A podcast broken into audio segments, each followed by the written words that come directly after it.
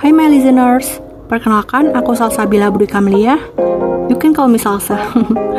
aku mahasiswa ilmu komunikasi UMB angkatan 2019. This is my first podcast by the way. Sebelumnya, aku mau kasih tahu nih, di ilmu komunikasi belajar apa aja sih? Pasti kan dia belum tahu kan? Oke deh, aku kasih tahu.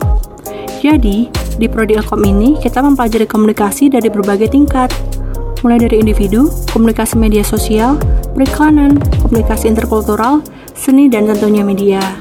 Kita juga akan mempelajari media penyiaran loh, seperti menjadi penyiar di televisi, bahkan penyiar di radio. Seru kan?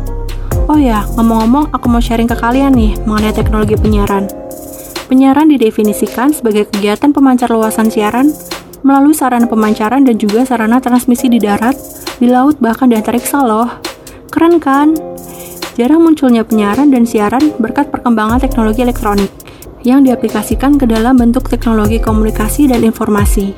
And then dibuat dan dibentuk mekanisme komunikasi yang terjalin antara manusia yang terhubung melalui suatu pancaran gelombang elektromagnetik oleh transmisi pemancar. Nah, pasti kalian pernah dong dengerin radio atau nonton TV.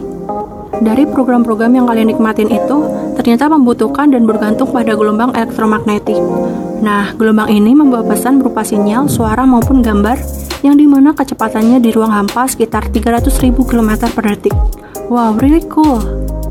Nah, gelombang elektromagnetik merambat melalui udara, kabel, serta media lainnya untuk dapat diterima secara serentak dan bersamaan oleh masyarakat dengan perangkat penerima siaran. Tapi dalam penyiaran gak semudah yang dibayangkan. Penyiaran juga ada persyaratannya, yaitu antara lain tersedianya spektrum frekuensi radio, sedia sarana pemancar atau transmisi, adanya siaran program atau acara, harus sedia perangkat receiver, dan juga dapat diterima secara bersamaan. Quite a lot, right? Dalam penyelenggaraan penyiaran, perlu adanya proses manajerial loh.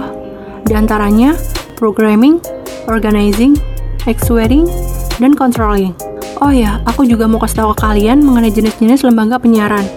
Yang pertama ada lembaga penyiaran publik, contohnya seperti stasiun penyiaran TVRI, yang kedua ada lembaga penyiaran komunitas, contohnya seperti Ikom Radio milik Universitas Muhammadiyah Yogyakarta.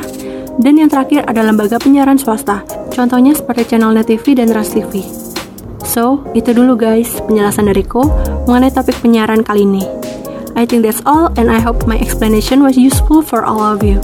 See you on my next podcast. Bye.